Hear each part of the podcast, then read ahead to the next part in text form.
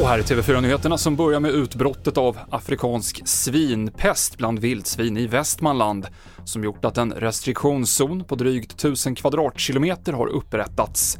Och för en stund sedan så uppgav Jordbruksverket att alla tamgrisar inom den avspärrade zonen kommer att avlivas. Det här är ett beslut som har fattats för att undvika risken att få in smitta i tamgrisbesättning, vilket skulle kunna få förödande konsekvenser för som säger, de vidare åtgärderna. Vi är medvetna om att eh, de här restriktionerna och detta beslut är mycket ingripande för många människor och för vissa är det djupt ingripande. Eh, men vår målsättning är alltså att avgränsa, isolera och bekämpa och då väljer vi att ta i för att kunna göra detta så snabbt som möjligt. Sa Jan Cedervärn, överdirektör på Jordbruksverket. Det ska handla om ett 50-tal grisar som behöver avlivas enligt myndigheten och ägarna kommer att kompenseras ekonomiskt. Den man i Värmland som förvarade sin döda sambo i frysen döms till tre och ett halvt års fängelse, bland annat för grovt gravfridsbrott. Kvinnan bedöms ha legat i frysboxen i fem år och mannen har uppgett att hon dog av sjukdom.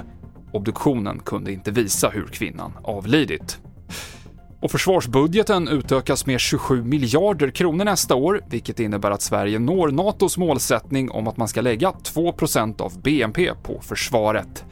Försvarsminister Pål Jonsson säger att det svenska försvaret står inför tre stora utmaningar. För det första ska vi intensifiera arbetet med den största upprustningen av totalförsvaret sedan 1950-talet. Så dels är det en stor upprustning på hemmaplan. Det andra är att vi ska göra den största doktrinära förändringen av svensk säkerhetsförsvarspolitik på 200 år som försvarsberedningen uttrycker det genom att framgångsrikt integrera Sverige i NATO. Och för det tredje så kommer vi också fortsätta stötta Ukraina så de kan vinna det här kriget och återfå sin territoriella integritet och sin frihet. Sa försvarsminister Pål Jonsson. Det avslutar TV4-nyheterna med Mikael Klintevall.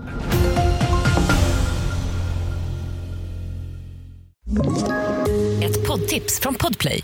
I podden Något Kaiko garanterar östgötarna Brutti och jag, Davva, dig en stor dos skratt.